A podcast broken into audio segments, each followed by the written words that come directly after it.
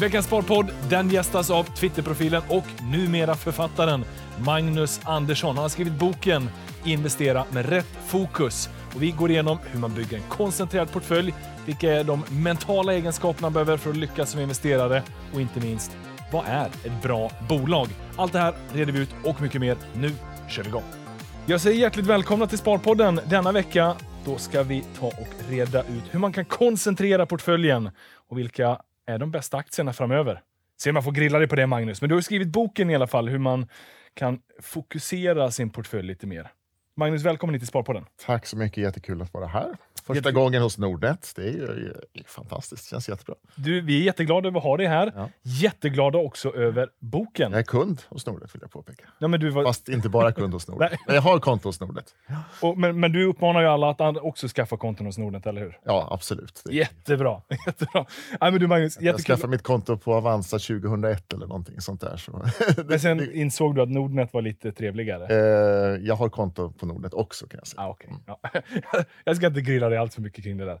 Men du Magnus, eh, du har skrivit den här boken. Det är därför ja. Eh, jag har, har med dig här, för vi ska reda ut lite. Dels, eh, jag gillar att du har lite annorlunda sätt hur man bygger en portfölj. Du skippar ju de här klassiska sprid riskerna, diversifiera och bara mm. köp så mycket som möjligt. Utan det här är lite mer för den mer avancerade investeraren.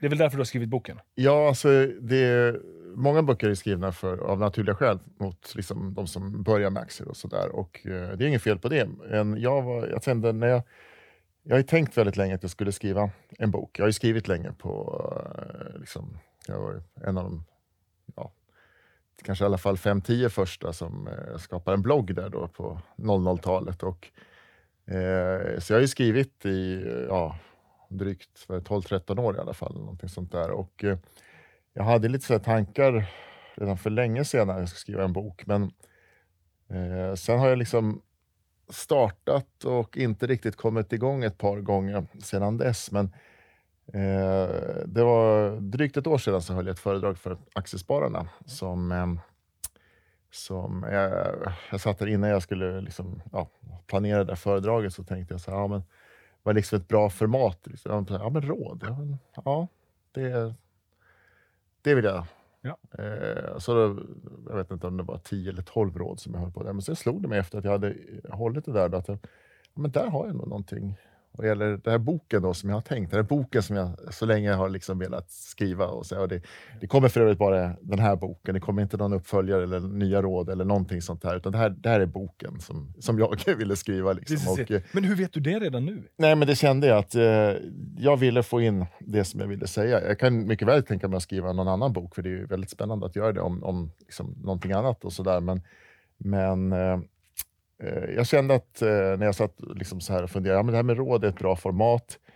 Eh, för jag tycker själv att jag har fått en del väldigt bra råd genom åren av olika personer, kända och okända och sådär. Eh, sen så slog det mig också att det var ganska tomt i nischen där mellan det här liksom som är nybörjarböcker och sen finns det då naturligtvis oerhört avancerade böcker liksom, där man går in på ja, men liksom, analys och eh, specifika nyckeltal. Allting sånt där, lite mer akademisk litteratur. Och, eh, men jag tänkte mer så här att jag skulle skriva en bok för de som i första hand, eh, för de som har hållit på med aktier ett tag, men som skulle liksom vilja ta sig vidare. Och eh, Då tyckte jag att det var viktigt att utgå ifrån eh, liksom det som eller det faktum som jag upplever att de här råden som man ger till nybörjarna, som alla får, eh, liksom, det finns säkert på alla nätbanker och allting, liksom tips och sådana där saker om att man ska verkligen sprida riskerna. Man ska diversifiera sig brett till många företag, många branscher. Man ska söka bolag med väldigt lång historik. Det ska vara liksom utdelningstillväxt under 108 år och allting sånt där. Det, alltså det, det är utmärkta råd för den som är ny, liksom, precis som vilken vad man än börjar ägna sig åt, där det finns vissa risker och så där, så ska man ju ta det lugnt i början och så. Men det är ju, och det är ju absolut inte någonting som bara jag har kommit på, men de här sakerna håller ju tillbaka en om man börjar bli lite bättre. Om man liksom med tiden, åren går och man liksom börjar bli skickligare på att hitta bra företag och, och eh, då och då kanske få en sån här riktig vinnare och sådär. Då, då är det ju väldigt svårt att få någon riktig fart på utvecklingen om man har liksom 15-20 innehav och framförallt då om man eh, har liksom sån här väldigt bestämd regel. Jag ska aldrig ha mer än 10 eller aldrig mer än 12 av någonting och sådär. Och så helt plötsligt så liksom köper man played tidigt och håller på att sälja av den hela tiden och så där. Samtidigt som man kanske har kvar de här fem som inte gick så bra, så de bara sjunker och sjunker och sjunker. Och sjunker. Och, och det är liksom det som är avstampen i min eh, i, ja, tanke med boken. Då. Att liksom, hur går man vidare när man har tagit sig ifrån de här, de här första åren när man sitter och sliter sitt hår och man kanske går på lite fler minor än man, ja. vad man önskar på många sätt att man skulle göra. Och, eh, man kanske är väldigt försiktig att fokusera. Och eh, hela tanken är ju då där att man kan, man kan eh, vinna väldigt mycket på att fokusera i den takt att det känns bra och det känns säkert. För man ska absolut, det här är inte frågan om att man ska äga en aktie eller någonting sånt. Det finns ju många som gör det oavsett om de är nya eller, eller gamla i gamet och sådär. Utan det är frågan om att man i takt med att man känner att man är mer varm i kläderna, kan liksom gå ner lite grann, satsa mer på de eh, bolag som man tror mest på, men som man också fokuserar mest på eh, vad gäller liksom, eh, den tid man, man lägger på dem. Ja. Och så. Det blir ett långt svar. Men, men, men väldigt många kloka ord. Jag gillar ju när, jag, när jag läser boken så gillar jag att du inte heller säger att ah, men det är max fem man ska ha, eller Uh, du måste minst ha 20 i ett innehav, för annars är, tror du inte till... Jag upplever det som att du undviker att försöka sätta de här hårda gränserna, för att det är ja. ganska mycket beroende på egen investeringsstil, ja. vilken övertygelse man har, och det varierar från tid till annan. Mm. Finns det tillräckligt många bra bolag just nu som du vill äga, eller finns det bara så många? Och Då kanske mm. du ska ha mer koncentrerad och ibland mer di diversifierad. Mm. Beroende på stil, tid Jo, det, det, blir egentligen lika fel om man säger åt andra hållet. Ja. Så det att man ska alltid ha liksom minst 20 procent. Men det, det, är ju inte heller bra. För jag, menar, hur, jag har ju då gått ifrån att ha haft ja, kanske ett dussintal aktier till att gå ner till att egentligen bara äga tre som har någon större betydelse för mig. Och därav, där en då är den, eh, ja, den enda som verkligen påverkar. Men samtidigt, det går ju inte liksom att säga, det finns ju även om man håller på så, så kan man hitta någonting.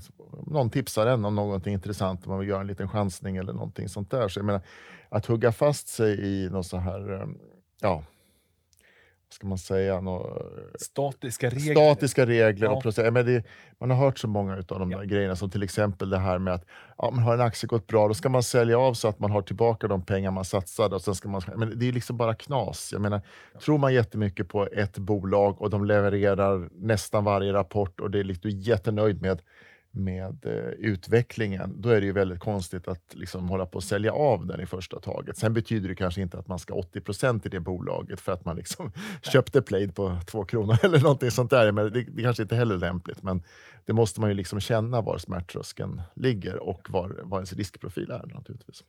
Nej, men, eh, det är därför jag gillar att boken är 15 råd och de handlar ganska mycket om dig själv, hur du ska tänka som investerare, hur, hur, du kan bygga en portfölj för att slå marknaden och inte minst då, vad är typiskt bra bolag? Vad är det man ska leta efter? Mm. Uh, och, och, att det finns lite utrymme där för den här konstformen som ändå investeringar är. Precis. Att det inte är hårda regler, så här funkar det.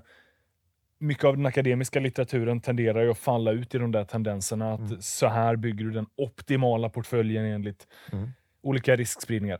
Men mm, sen visste man inte att en pandemi skulle svepa över planeten och förändra rätt mycket.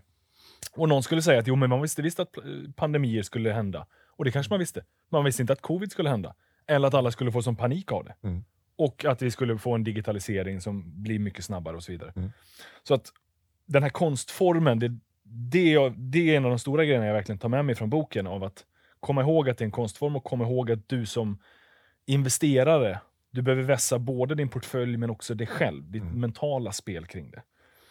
Jo, det, det ställer ju... Jag, menar, jag tänker ofta så här, liksom när man, när man liksom ska locka in nybörjare och sådär, att det kanske inte är helt lyckat i alla, för alla att äga, i alla fall i början, äga enskilda aktier och sådär. För att det kan vara bra att börja lite lugnare, kanske köpa fonder och, och sådär, kanske gå över till investmentbolag och sen så börjar man, i alla fall om vi pratar, man lägger 5000 på något man fått ett tips om, det kanske alla har råd att förlora, men att man liksom tar det lite lugnt i början och sen och sen går vidare. Och jag tror också att det är viktigt att man förstår att det är, liksom, det är man själv som avgör hur man kommer att lyckas.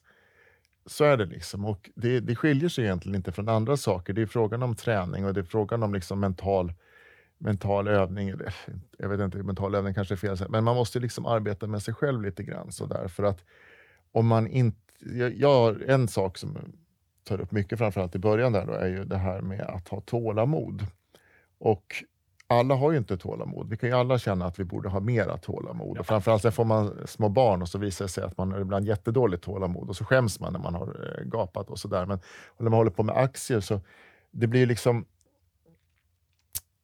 det blir så otroligt enkelt, om man vänder på det hela, att skaffa sig den här edgen, då, liksom övertaget mot andra, om man har mer tålamod än vad de har. Om man liksom lär sig lita på sig själv, vet till exempel när det eh, blir en krasch att ja, men det, kommer, det kommer igen. Liksom. Vi kommer inte att gå tillbaka till stenåldern nu för att eh, covid kom eller finanskrisen på sin tid och så vidare. Utan det, det, liksom, det kommer tillbaka. Om man, har liksom, om man orkar sitta still när det finns skäl att göra det. Liksom. Inte, inte hoppa runt, inte liksom, eh, få panik naturligtvis, men heller inte eh, sälja av bara för att man har gjort en fin vinst. Jag menar, det, du bara tittar på Twitter och så där hur många som lägger upp de här graferna när de eh, då liksom, eh, ja, men köpte någon av de här, här ja, senaste tio årens kometer på börsen. Liksom, köpte där nere och sen gick den upp 22 procent och man ser bara två små prickar där. Och sen ser man liksom grafen som fortsätter upp, men de där nere, liksom, det, jaha, okay. om man drar upp det där kan man ju se att det kanske är 22 procent där, liksom. men de här 1800 procenten har man missat och sådär. Liksom. Och, och eh, jag tror att det där är någonting som man ska... Jag har fått tänka jättemycket på det där, för jag hade inte alls lika bra tålamod i början, utan det var ju precis det där liksom att eh, att eh, ta hem vinsten kändes ju skitbra och så där. Och nu faller det, åh jäklar, nej, det känns inte bra. Lika bra att ta hem det liksom, så jag slipper den där eh, huvudvärken. Liksom, och så där. Och eh, jag tror... Eh, alltså hela boken är egentligen, det, det är liksom mina erfarenheter. Eh, och att jobba med sig själv och tänka på vissa eh, eh ja, liksom vad man gör för fel och arbeta med dem och vad man framförallt alla de gånger som det går dåligt och framförallt i början, liksom, vad var det som gick dåligt? I vissa fall så är det bara otur. Ja. Det finns ju alltid den grejen. Det kan ju hända något jäkligt tråkigt. Liksom, sådär. Och, och då får man inse, att jag gjorde rätt här, så jag hade alla skäl att tro på det här, men det gick dåligt. Eller så ska man tänka, men jäklar alltså, det här, det var ju de som varnade. Liksom, Ja, men, om vi tar, om vi tar Cam, Cambin här nu, så är risk för att strö salt i någon sår här. Då. Men liksom, det var ju ganska tydligt ändå att, bara som ett, ett exempel, så här, att, att Kambi eh, hade liksom vissa motgångar i USA och det fick inte bli hur mycket som helst att liksom, eh, bolag hoppa av eller ens börja prata om att hoppa av dem och så vidare. För det börjar bli ganska sådär shaky. Liksom. Och jag, jag, slut, jag slutade äga Kambi redan för något år sedan och sådär. Och eh, jag känner liksom att det här... Det, det, det, det, är en annan risk, risk ja. nu än vad det var tidigare. Liksom. Ja. Och då ser man ju, liksom, trots att Kam är ett fantastiskt bolag, de har ju otrolig framtid säkert, tror jag, eh, framför sig, framförallt i USA och så vidare. Men om man liksom satt med dem, då måste man ändå tänka, ja men jag, jag blundade nog för det som ändå många varnade för. Och det, nu bara kan vi ett exempel, men det finns ju hundra sådana exempel liksom när, när folk har sagt det. Och och eh, det är ju också så här att överhuvudtaget de som äger bolag där en enda grej kan ställa till det. Ja. Det är någonting som jag gärna vill förmedla, att det ska man vara jäkligt försiktig med och då ska man inte eh, absolut inte fokusera mot, mot det bolaget. Det är typiska i medtechbolagen, de har en studie liksom som alla väntar på. Inte bra att sitta liksom med 40 procent i den och så vidare. Och, Nej, ja. för jag, jag, gillar också den här idén, den har jag hört någon annanstans också, men att ha en koncentrerad portfölj, men att bolagen i sin tur har ganska diversifierade ja. intäktsströmmar. Ja, och där, minst, där minskar man ju risken rejält om man har liksom i ja. tre olika branscher, om man har tre, eller fyra olika branscher med fyra bolag och sådär, ja. med väldigt låg överlappning. Då har man ju liksom dragit ner det rejält. Problemet blir ju ofta, om man är väldigt fokuserad, att man har en grej, man håller på med dataspel. Liksom. Det är min grej och man är skitbra på det.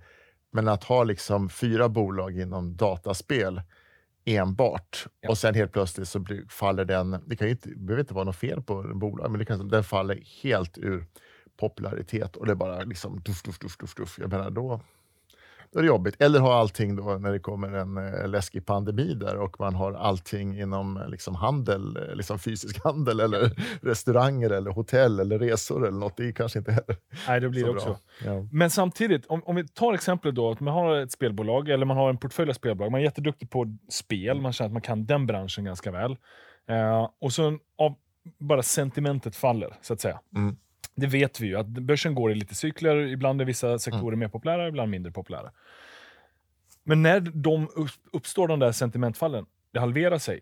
Det är då man ofta kan hitta de här bästa köplägena. Men jag Ja, ja. upplever att väldigt många privata sparare som inte då har tålamodet eller övertygelsen, att det är då de säljer av sig, Mm. efter fallet.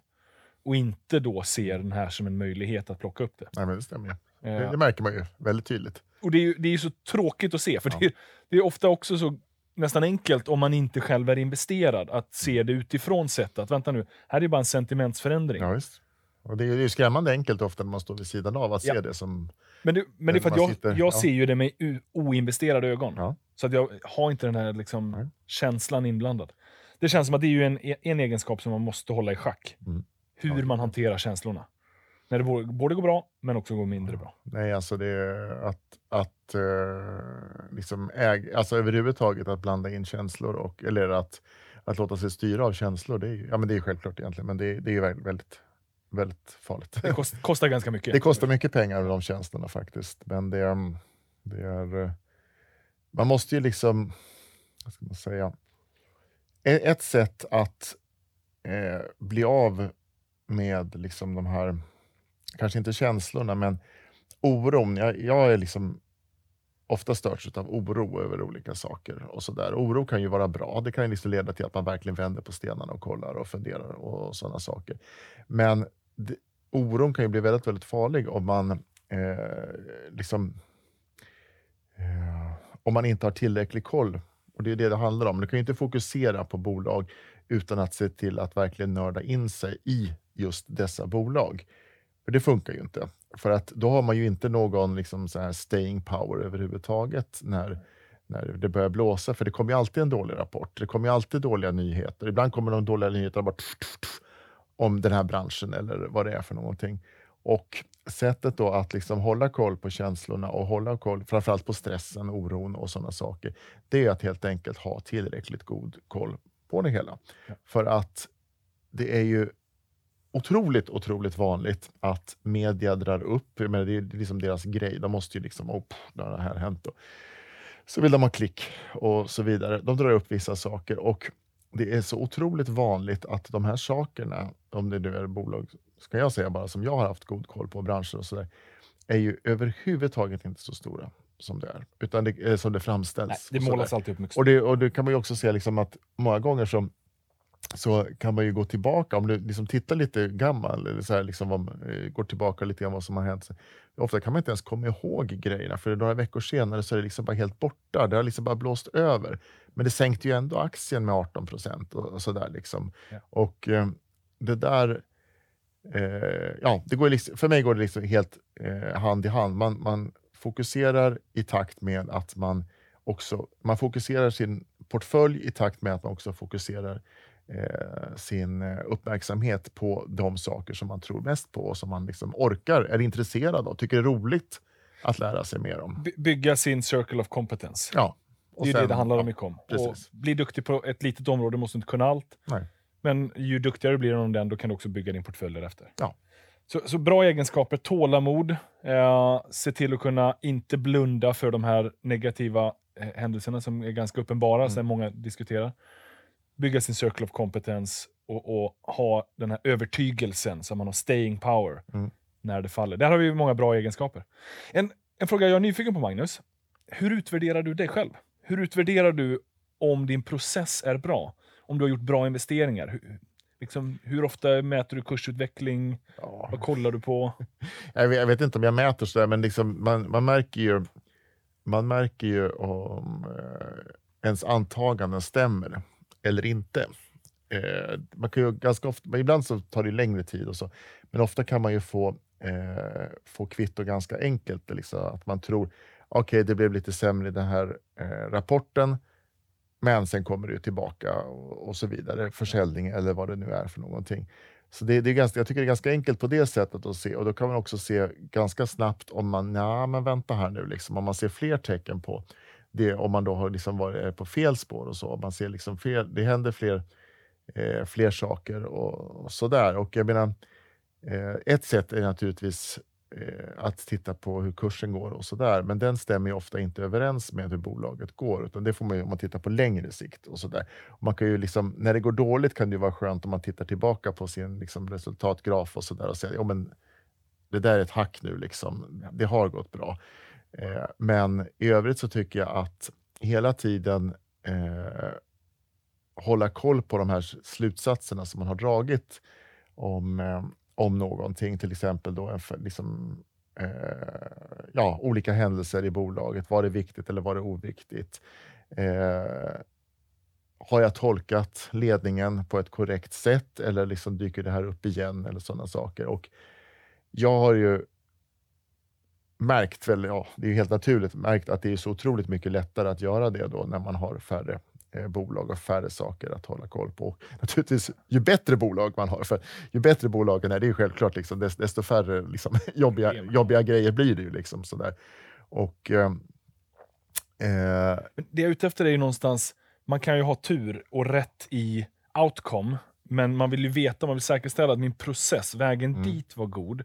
Det låter på det som att det inte är kursgraf som är det viktigaste, utan snarare sätta några antaganden. Jag tror att mm. den här världsdelen så kommer det stå för en stor del av tillväxten, eller mm. den här produktkategorin kommer att bidra med tillväxt. Att, man, att du liksom har den typen av antaganden och sen benchar du hur verkligheten faller ut mot dem. Det, det viktiga är ju liksom att man får rätt i vad som händer i så stor utsträckning som möjligt. Inte i hur aktien rör sig. Jag menar, om man framförallt liksom, om man har hängt länge på Twitter och så, så får man ju massa liksom, så här, eh, ja, privata frågor. Liksom. Vad tror du om liksom, närmsta månaden, eh, liksom, kursutveckling eller resten av året? Vad kan det sluta? Det har gått jättebra. Vad tror du det landar på för år? Det där är ju bara, det är bara nonsens att man ska kunna förutsäga det. Man kan ju se en viss trend. Ja, nu liksom marknaden är mer positiv och sådär. Ja, nu kan man liksom tänka sig att nu kommer det nog börja lossna här och bli en högre värdering och, och sådär. Men att liksom försöka förutsäga det och um, utvärdera sig själv och uh, de här bolagen på hur kursen går i det korta perspektivet. Det, det, för mig har det varit helt, helt dödfött. För att jag har fått rätt om bolaget jättemånga gånger, men fel om hur kursen skulle gå. Och det är både uppåt och neråt. Ja. Hela tiden egentligen. Och jag tror att... Ska jag säga, men, jo, men det, man kan nog säga att det, det är nog ganska mycket ett nybörjarfel det här. Uh, men det, det, har ju mycket med det att göra, att man tittar så jäkla mycket på aktiekursen och liksom anser att man har rätt eller fel. Och Det märker man också på när man, man skriver och blir liksom sammankopplad med några bolag så här och man då får kritik för att kursen har gått ner sista tiden och så där. Då tänker man, ja, men liksom, stackars dem om de tänker sådär. Ja, liksom. Det är ditt fel. För ja, ja, nämligen, ja, det, dels, dels, det, dels är det väldigt dumt med tanke på att det är helt frivilligt att följa, att följa människor och lyssna på människor och man får eh, göra sin egen analys och så vidare. Men hur galet är det inte om man börjar titta liksom att tänka att ja, men aktien har gått ner nu 16 procent på en dryg månad eller någonting sånt där. Och det, bara därav drar slutsatsen att det, var, det är fel att äga den här, det var liksom, eh, ja, dåligt och så vidare. Sen naturligtvis, om aktien börjar, det är en annan sak, då, liksom, om aktien bara sjunker och sjunker och sjunker och man kan inte hitta någon orsak, då är ju risken ganska stor att man har missat någonting. Ja. Det är den andra sidan. Men, men att liksom bara dra slutsatsen för att eh, någonting går dåligt, för det är bara att titta på om du tar liksom de här 5-10 riktiga höjdarbolagen, på, om man tar de stora listorna då, här i Stockholm, vilka de är? Ja. ja men liksom, vi tar såna här då som Sinch och Played, Evolution, eh, Embracer. Ja. ja. men liksom de här, ja, Genovis, ja. liksom de här som verkligen har gått jätte, jättebra. Eh, om du tar dem, allihopa har ju de haft sina svackor. Och de svackorna har ju ibland sammanfallit då med att det var en dålig rapport eller någonting sånt. Eller så har de bara ingen aning Eller varför... världen. Det kan ju stå, liksom, det kan ja. vara ett år. Liksom, så här. Jag, menar, tänk för, jag tänkte på det häromdagen, så där, att eh, det var tre år sedan nu, den här hemska hösten 2018. Som jag tyckte var väldigt jobbig för att det bara gick ner. Jag kunde inte fatta allting bara gick ner. Och sen i efterhand kan man ju säga att jo, men det var mycket oro för höjda räntor och så vidare. Så allting då som jag tycker är roligt med tillväxt och så där, det fick ju stryk. I mitt tycke var väldigt oförtjänt och därmed väldigt frustrerande att de får så mycket stryk. Men jag kommer ihåg just den här känslan, för det var, det var väldigt kallt och mulet och blåsigt och eländigt. Jag kommer ihåg det där bara, eh, att liksom, hur eländigt det kändes med aktier då. Och hur jag, trots att jag hade väldigt mycket tro på bolagen, började känna, men herregud, alltså, ska jag sälja av lite? Vad ska jag göra? Liksom, det var bara elände, elände, elände. Men samtidigt så, alla de bolagen som då liksom bara handlades ner, de är ju femdubbelt i värde nu. Om vi tar de här liksom eh, heta bolagen som liksom fick stryk bara för att marknaden tyckte inte om tillväxt. Då. Och vad gjorde du då? I det läget? Du bara stod... Det, det, är faktiskt, det är faktiskt en... Eh, jag, tog med, jag tror jag tog med det i boken, men det är en sån där grej som jag, jag brukar tänka på ibland. Sådär, på, att jag satt där på, eh, var på annandagen då hemma hos mina svärföräldrar som vi liksom samlades många, så där som vi brukar göra. Och eh, då hade ju, allting hade ju bara fallit ända fram till... Jag kommer till och med ihåg, jag tittade då, för jag ägde mycket Apple och Netflix då. Och eh, jag kommer att tittade på julafton till och med, som jag, dum som jag var, och såg hur aktierna sjönk då. Jag tänkte att det här är ju sånt mörker. Liksom. Båda bolagen gick ju jättebra, men de bara faller och faller. Och sen så kommer jag ihåg det att precis när vi skulle sätta oss och fika så försökte jag lite smyg, det syntes ju säkert, men jag tittade lite så här på mobilen då. Så här liksom. Och så hade det öppnat då i, i New York där, halv fyra. Då, så här, så såg jag. Och både Apple och Netflix var ju tydligt med. Då tänkte jag så här, ah, fasen alltså. Det här är ju tr- fullständigt tröstlöst. Men jag skulle liksom sälja en del i alla fall. Liksom, jag, jag smiter iväg sen liksom, eh, så ingen ser. Ungefär. Och jag, jag, men jag säljer 25-30 procent i de här för att jag kan nog liksom, det kommer ju att fortsätta sjunka. Liksom, så här. Och Hur det än var så hade vi trevligt där då och sen började det började det dags att åka hem. Jag glömde helt bort det där. Då, så här. Sen sitter jag där och kör och när vi åker hem så tänker jag, fasen också, det där, jag sjunker bara ytterligare och ytterligare. Så, här, liksom så kom jag hem så här, där, där, där, där, och så tänkte jag, gick jag in så kollade jag där och då hade, precis där hade det vänt. Så båda bolagen var ju upp en 8-10 procent. Det var precis där på annan dagen som allting vände. Och det blev en sån här grej som man liksom tar med sig i efterhand. Man tänker att precis när det känns som allra mörkast och jäkligast, det är precis där det kan vända. Och det hade ju varit ganska jobbigt att ha sålt liksom en tredjedel av de Ja. där och sen se 10 procent upp senare under dagen. För sen bara fortsatte ju i några månader så bara vände liksom ränteoron försvann och det liksom, allting var plötsligt helt underbart. Oj, oj, oj. Så. Ja. liksom. Nej, men det är en jätteintressant historia. Jag kommer ihåg den från boken nu när du Okej, sa den. ja, så den var med där i. Eh, för den fastnade med mig också, att det är så lätt. Ett, dels är det intressant att bara höra att vi alla är människor, vi alla dras med av de där känslorna av att ah, och vad jag är liksom less på det här. Mm. Och en av botemedlen är ju att bara logga inte in allt för ofta. Precis. Bara, eh, se inte till att följa det här dagligen. Är du Nej. en långsiktig investerare, du har ingen nytta av att kolla kursen varje dag. Och det var ju en grej som, jag, var ett, bara ett par år sedan jag slutade titta konstant under dagen. För jag märkte ju hur dåligt jag mådde av det. Ja. Och det är inte bara att man mådde bra, ibland blir det bra, men det blir liksom, ens humör går ju så här. Ja. Helt plötsligt är ens största innehav upp 4 procent. Oh, eufori liksom. Och sen kanske man tittar då en timme senare, va? Ner från toppen här igen. Och så blir man sur. Liksom. Jag kommer på mig själv ibland med att när de hade varit en sån här fantastisk all time high, liksom under dagen, på förmiddagen, liksom, öppningen sticker eh, liksom, portföljen iväg. Oh, jäklar. Och sen det största innehavet, liksom, all time high, yeah. Och sen två timmar senare liksom, kollar jag, nej, nu är det ner en och en halv procent från toppen och jag är sur. Liksom. Ja. Det är så dumt, det är så dumt så man kan ju, jag kan inte ens förstå hur dum man är. Jag tänkte, jag kan inte hålla på så här, utan nu bestämde jag, jag kan upp, kolla när börsen öppnar och sen kollar jag inte liksom, under dagen, om det inte liksom, man får höra att det har hänt något eller någon någon då förstör ens ro genom att eh, höra av sig och säga vad fan har hänt med aktien? Liksom, eller något Ja. sånt där. Ja, men då får man kanske kika till. Nej, Mm. men jag, jag har själv också behövt bygga den strategin av att ja, men så här, Nordnet har inte tagit fram realtidskurser för att du ska sitta och följa det hela tiden. Nej. Eh, men den dagen du ska handla, då är det ju rätt tacksamt att veta vilken kurs du ska köpa och sälja till. Mm.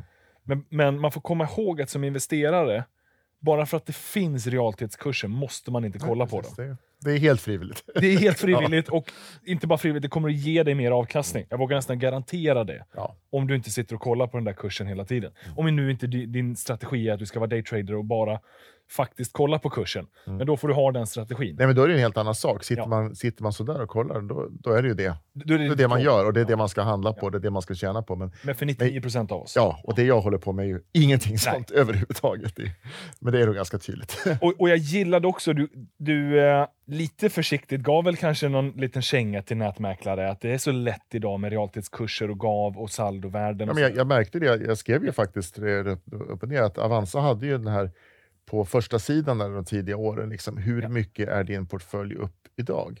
Och framförallt om man hade något sånt här bolag som inte var så mycket handlat och så där, så kunde det då i förhållande till portföljen kunde det bli ganska rejäla sådana där. Liksom. Och då fick man ju precis det. Och då på den tiden så hade man inte ens i mobilen, utan man, sa att man loggade in på jobbet då naturligtvis. så satt man på jobbet och loggade in det på Avanza och kollade kollade man bara åh, 4000 upp idag. Liksom. Yes, yes, yes. Och det blev ju jätte, jättefånigt. Och framförallt så gjorde det ibland att eh, man reagerade på det där och kände sig nöjd. Och, och eh, ibland kunde det bara vara att det största innehavet slog mellan köp och säljkurserna och sådär, men eftersom det var tunt handlat så, och så kom det upp där. Jag tror att de tonade ner det lite grann också, tog lite mer ansvar för det där, för att det blev det blev, eh, det blev ett oerhört fokus på liksom precis vad kronor och ören under dagen och det blir ju inte så bra. Det är bättre att man kan gå in lite längre bak och se, liksom, jaha, om man nu vill veta det, än att det bara kommer pang så här. Liksom. Man, man behöver eh, som investerare sätta sig in i mindsetet av att jag måste inte hela tiden följa upp det. Jag måste inte, kursgrafen, för mig, eh, och jag brukar förklara ibland att den är väldigt mycket sekundär. Mm. Bolaget är ju därför du investerar. Det är Mm. det du är intresserad av, det är det du ska följa och äga. Kursen sen bara är en nödvändigt verktyg för att komma åt det där bolaget. Mm. Men sitt inte och stirra blind på den. Stirra på bolaget. Mm. Följ den, för det finns det alltid lite mer man skulle kunna läsa på. Ja, det är ju... Det, ja, det Och, och det är egentligen ett bra seg, ett seg, segway över till nästa. Ja. Vad är ett bra bolag? Ett bra bolag. Fin, finns det ett svar på det? Har du ett så här svar? Det här är ett bra bolag. Nej, det, det tror jag inte att... Höga marginaler, tillväxt. Nej, alltså jag, jag tror att eh, om man återgår lite grann till det du sa det här om att investerandet som konst, det kommer ju från Peter Lynch och han var ju utan tvekan ganska framgångsrik då som bästa fondförvaltaren någonsin. Men han pratar ju om det där att investerande är inte ett hantverk utan det är, det är en artform som man kallar det. Liksom. Att det, det, det är liksom en konst att lyckas med. Och det är ungefär så som man måste hitta bolagen tycker jag. För att det är ju, vad ska man säga, det har, det har att göra lite grann med hur vi är, hur vi är skapta. Då, liksom där, så att jag minns rätt, men det är vänstra hjärnan, då, som, vänstra hjärnhalvan menar jag, som, eh, där det är väldigt mycket siffror och sådär. Om den är dominant, som den naturligtvis är hos många analytiker och sådär, som liksom bara tog sig igenom eh, nationalekonomin eh, på handel som en klackspark, det var ju bara att räkna liksom, och den typen av personer då har man liksom fördelen, eh, liksom, det är utan tvekan en fördel att kunna se siffrorna, tolka siffrorna, göra prognoser och den typen av grejer. Bara tsch, tsch, tsch. Men om du ska bli en riktigt duktig investerare och lyckas, då måste du också ge högra hjärnhalvan då, med logik och den typ av liksom konstnärliga grejer, eh, ja, an, an, anlagen om man ska säga. Eh, den får ju liksom, måste ju också komma med på, på en sida. Och det tycker jag, det är egentligen, om man tittar på bolag och så där, det är egentligen samma känsla som om man ser liksom ett så här otroligt vackert klassiskt konstverk och man kan se att det här är ju helt annorlunda mot liksom många andra. Många andra är också duktiga, men det här, oj, den känslan, det är liksom de här fantastiska bolagen. Eh, och där måste man ju då gå in, börja med att förstå eh, vad det är man och inte då liksom bara förstå, man kan liksom inte bara säga ja, de håller på med vaccintillverkning eller, eller de säljer liksom eh, eh, redovisningssystem på nätet. Och så, utan man måste liksom förstå precis vad det är de gör och på vilket sätt de då är bättre än sina konkurrenter eller varför deras nya lösning har gjort att de har blivit dominanta. Och sen titta på, tycker jag personligen då, men det är liksom bara som man är lagd, för jag är absolut inte åt den vänstra hjärnhalvan. Jag är inte alls så bra på att räkna, inte alls så bra på, på de här grejerna när man liksom som vissa andra har så lätt att se, och så förändras det där och det gör ju att, eh, att fria kassaflödet ökar med 4% Så det där kan ju inte jag överhuvudtaget. Det, jag, får liksom sitta och nicka lite, låtsas att jag förstår. Liksom. Men den, jag är ju på totalt andra sättet. Att man liksom ska försöka förstå de mjuka grejerna. Vad är det som gör att Apples produkter är så mycket mer älskade? Och kan man inte riktigt förstå det kan man ändå förstå att, eller inse att det är så. Att Apples produkter är mycket mer älskade. Ja.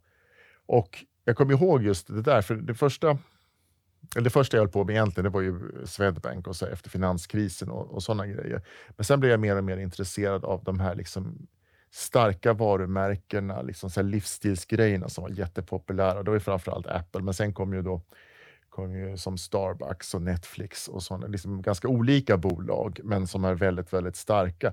Varför är de så jäkla bra, de här bolagen? Det är ju liksom, då är det mycket lättare om man kan liksom se, försöka se helheten, man kan, man kan eh, tyda de många tecken liksom på att det är så. För att just det här med Apple, idag är det inte särskilt många som ifrågasätter att Apple är mycket bättre än sina konkurrenter. Men går du tillbaka 6, 7, 8 år så var det inte alls så, fastän det var precis lika tydligt.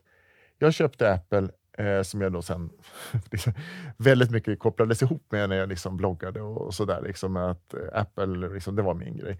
Och, men det var egentligen när jag hade precis köpt eh, iPaden då, när den kom till Sverige i slutet av 2010. Liksom. Jag köpte, hängde på låset på Elgiganten när de släpptes då för att det, det blev ju kö direkt. Då. Bara en sån sak. Då. Alla skulle ju ha iPaden då.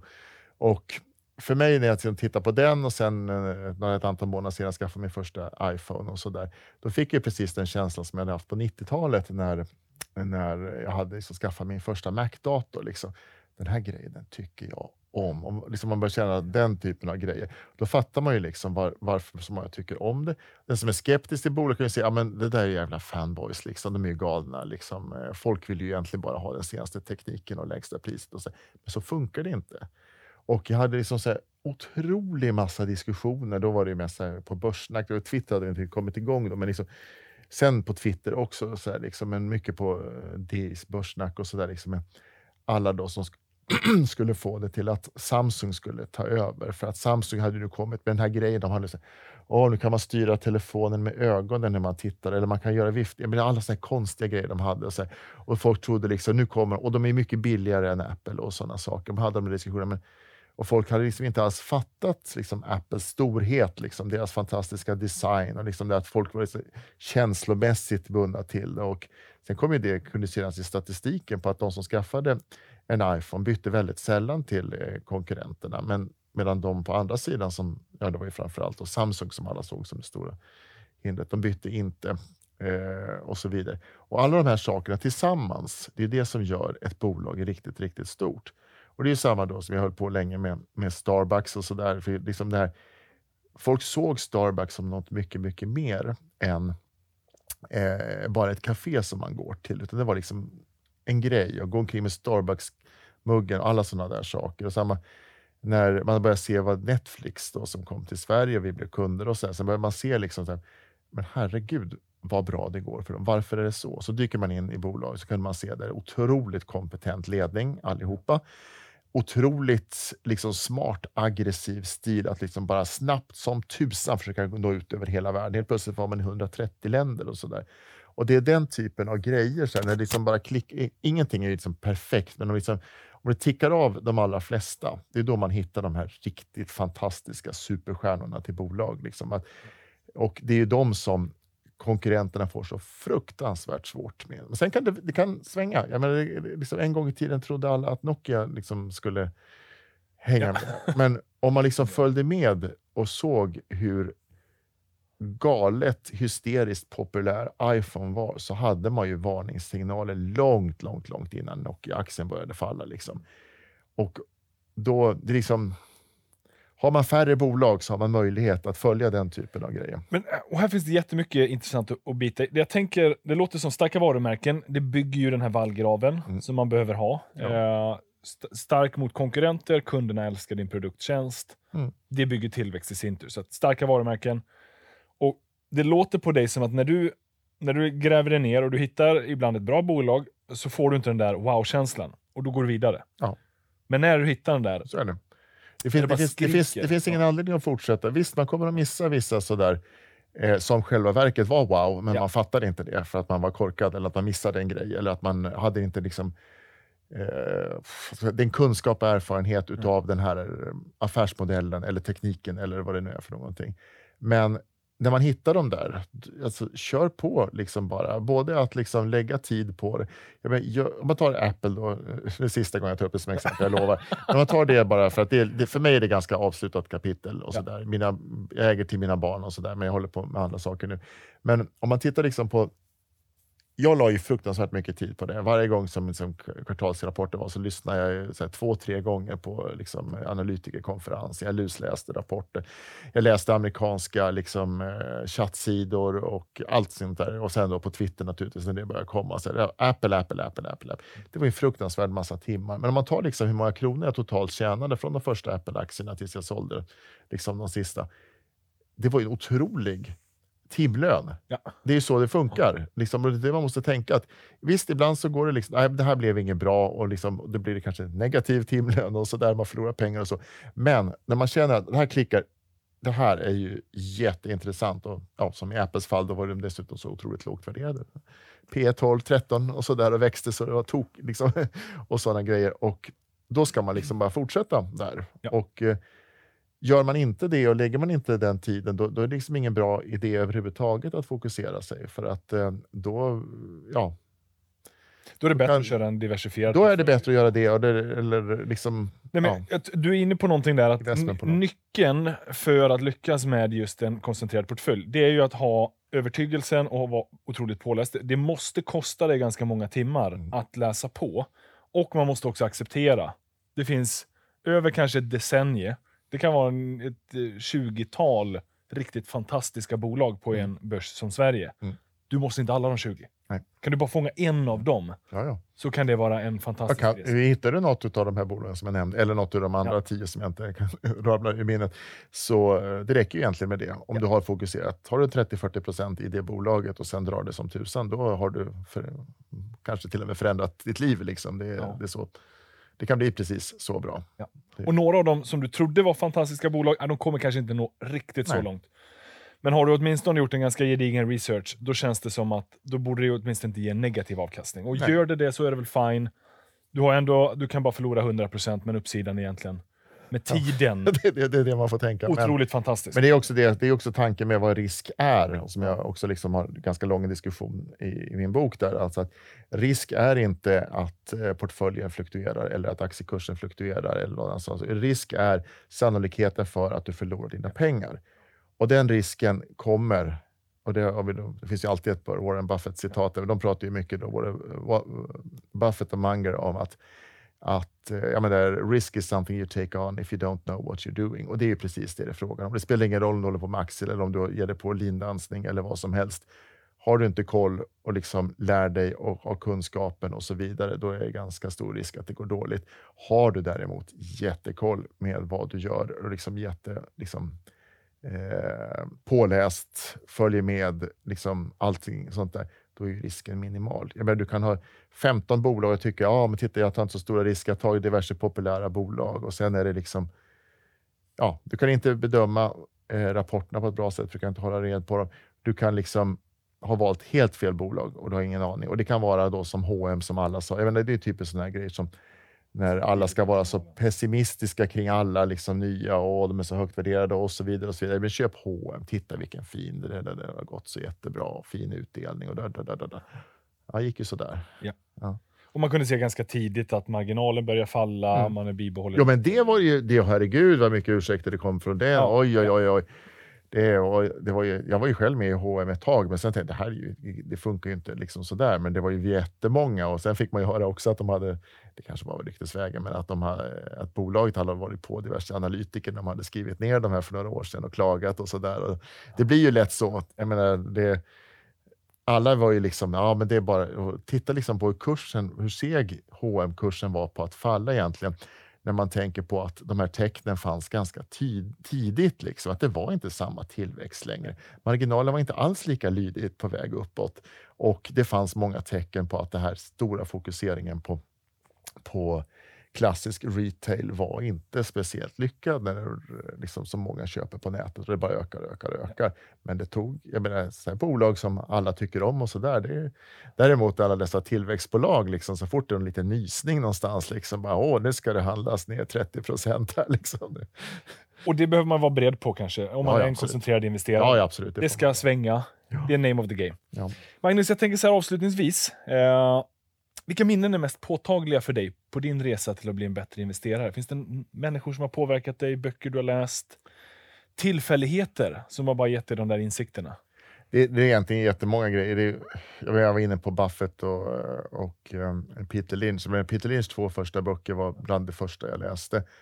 Och det var det öppnade mina ögon. igen. För jag, men jag, jag ska ju säga då, jag gick eh, jag är lite äldre då, så, där, så jag, jag var ju med redan liksom, jag var ju tonåring i slutet av 80-talet när det var liksom jättepopulärt med aktier och helt plötsligt blev det det i Sverige. Hela liksom, landet förändrades. Först var det jättefult med företagande och tjäna pengar och sen så liksom sa eh, liksom, många, äh, fuck you, liksom, vi, vi ska tjäna pengar här. Liksom, och så.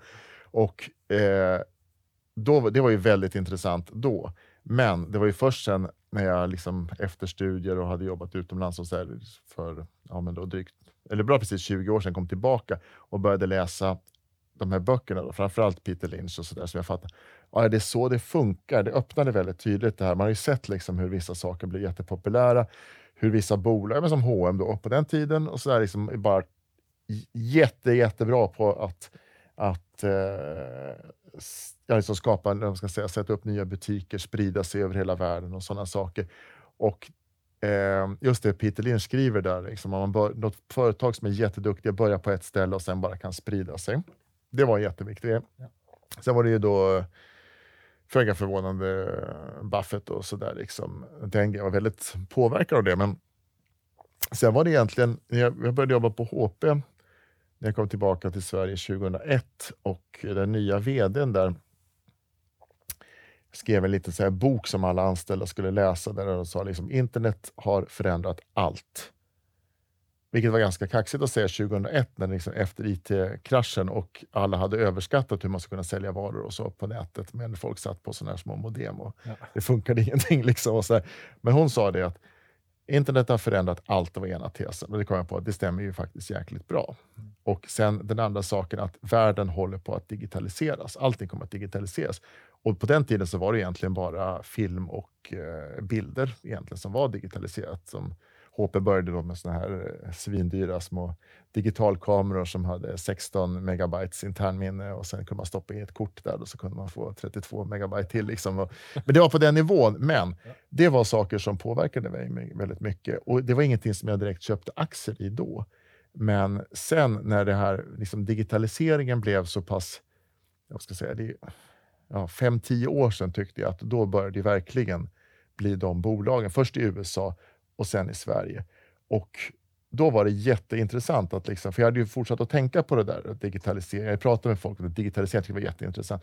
Och då var det jätte, eh, jättespännande att se att nu händer det ju verkligen. Och det hade jättestor betydelse för mig, för att jag har ju liksom det är en sån där käpphäst som jag har liksom, när man pratar om det här. Liksom, att det är ju det att eh, digitala bolag som är mer eller mindre helt digitala, säljer egentligen ett och nollor kan man ju säga då. Så här. De har liksom sådana otroliga fördelar. Så det är som om det var en helt annan värld jämfört med fysisk jag blir liksom så, möbeltillverkare eller vad det nu är. De som kommer in här och städar. All, den typen av tjänster, varor och sådär. är ju något helt, helt, helt annat än om din affärsidé är att eh, sälja online-casino då som eh, Evolution gör då som jag eh, utan tvekan är mest är sammankopplad med idag. Liksom. Ja. Visst, det finns en fysisk del att du ja, som så här i en studio ska liksom utföra det hela, själva arbetet och sådär. Men därefter är det helt digitalt. Netflix producerar ju en massa liksom, som måste liksom fysiskt produceras. Därefter är det helt digitalt. Och liksom skillnaden där emellan deras verklighet och möbeltillverkarens eller städföretaget och sådär. Det är som om de var på helt olika planeter. För när de har tillräckligt många kunder och intäkter då som täcker de fasta kostnaderna, då är det ren vinst, eller ja, ren vinst före skatt. I princip i alla fall. Det är kanske viss administration och sådär av betalningar och sådana saker. Men därefter är det ren vinst. Skalbarheten. Ja, skalbarheten är ju liksom astronomisk. Det finns, alla verksamheter har en viss skalbarhet, men just den digitala bolagens skalbarhet. Och det är också en sån här grej som blir väldigt liksom hett diskuterat och bråkat om och sådana saker. Och det finns sådana bolag som är alldeles för högt värderade. Absolut, man tar ut all liksom, i förskott, ungefär som man gjorde under IT-yran för 20 år sedan. Liksom. Men, men, man måste ändå liksom förstå att det här är helt annorlunda. Och det, jag tycker det är lite skrämmande faktiskt att det är ganska många som inte liksom törs göra det och liksom bara skämtar om värderingarna. Liksom redan P 30 och 40 tycker de är helt åt helsike. Det är ju inte åt helsike om det växer 50 procent på ett år. Det är skitbilligt i själva verket. Det är bara att gå tillbaka fem år vad det liksom var för analyser på de här väldigt digitala bolagen. Då, vad man trodde att de skulle ha nått till 2021. Ja, de var kanske fem, tio gånger. Så mycket eh, nu ja. Ja, vinst jämfört med vad man trodde då. Och, och, det här är ju än en gång en påminnelse om den här compounding-effekten som mm. uppstår. Mm. Uh, ett, bolag, ett industribolag som växer med 6% som BNP mm. och handlas till 10 i P tal Det är jättepopulärt från många i Sverige. Det är jättepopulärt bland många. Klassisk verkstad. Men, men om du stoppar de där 6 eh, per år på varandra så blir det inte så höga staplar. Medan om någonting kan växa med mm. 30% eller 40 eller 50 mm. Och Det är det som är så intressant ja. också, för det förändrar liksom, det blir ett helt annat bolag väldigt snabbt. Och Det kan man titta också på de här, liksom, just de här jag nämnde, liksom, och titta på dem, hur små de var och som helt plötsligt är ju ett stort bolag. Och som Evolution, det är ju liksom det sjätte största bolaget i Sverige, har gått på två år från att vara det kanske femtionde största bolaget. Dessförinnan, går det tillbaka två år till, så är det liksom ja, 400 det största bolaget och sådana där saker. Och det är ja, Embracer och liksom vad, som, vad som helst. Sådär. Och, eh, jag äger ju Evolution, ska man säga, då, full disclosure, och eh, Netflix också, som jag har pratat mycket om nu. Och, så. och eh, det, det är ju en värld som, som inte fanns förut. Nej. Och hur snabbt man kan liksom spridas globalt, det fanns ju inte förut. Om du började i ett land som Sverige eller USA, eller USAs östkustland, så spreds det sakta men säkert. Och det, det, det, Nu går vi in på en ny marknad. Ja, lite som Starbucks har gjort. Så ja, först gick de in i, i Kanada och sen kom de till Tyskland, Storbritannien, ja. Frankrike. Och så på tio år så hände det inte så mycket och till sist kom de till Sverige och då var det för sent för då hade alla kopiorna kommit så funkar det ju inte med om du säljer någonting digitalt. Visst, om det är Fortnox och bokföringsprogram, det är väldigt knutet till Sverige, men liksom, om man eh, tittar på många av de här andra bolagen, de kan ju mycket snabbt gå in liksom, i nya. Ja, men titta bara på Storytel, de har lite, fått lite glorian på sned på sista tiden, men tänk hur snabbt de har kunnat sprida sig över hela världen. Det var omöjligt förut. Ja. Det är helt omöjligt. Den digitala arenan, även om vi är långt gångna i den digitala världen, så finns det fortfarande ganska mycket kvar. Ja, oh ja. Det, det är det. Det kommer att fortsätta länge till. Det kan vi vara säkra på i alla fall. Det kan vi vara säkra på. Mycket annat vi kan vara säkra på. Och eh, en annan sak vi kan vara säkra på är ja, din bok. Den är numera publicerad och slutsåld ja, det var vi lite, spelade in det här. Det var lite synd, ja. men eh, den kommer tillbaka till julhandeln eh, lovar de och de hoppas att den kommer i en e-boksversion här ah. snart i alla fall. Men, eh, du kan man få ta del av den digitalt också. Det är, det är lite synd, men det är väldigt tydligt hur den fysiska världens begränsningar, det är pappersbrist och då är det svårt att trycka och sen blir det långa köer och så vidare. Ja. Det, det, är enklare när det är digitalt. Det är det. Men man kunde ju få ta del av dina kloka tankar i det här digitala formatet i alla fall. Ja, bra. Magnus, eh, stort tack för att du var med och gästade här i Sparpodden. Tack för att jag fick komma hit, det var jättekul. Och till er lyssnare, hoppas att ni har fått med massa kloka ord också. Om inte annat så får ni kika in Magnus Anderssons bok Investera med rätt fokus. 15 råd som tar dig till nästa nivå. Och ni vet att vi ses och hörs igen nästa vecka. Ciao!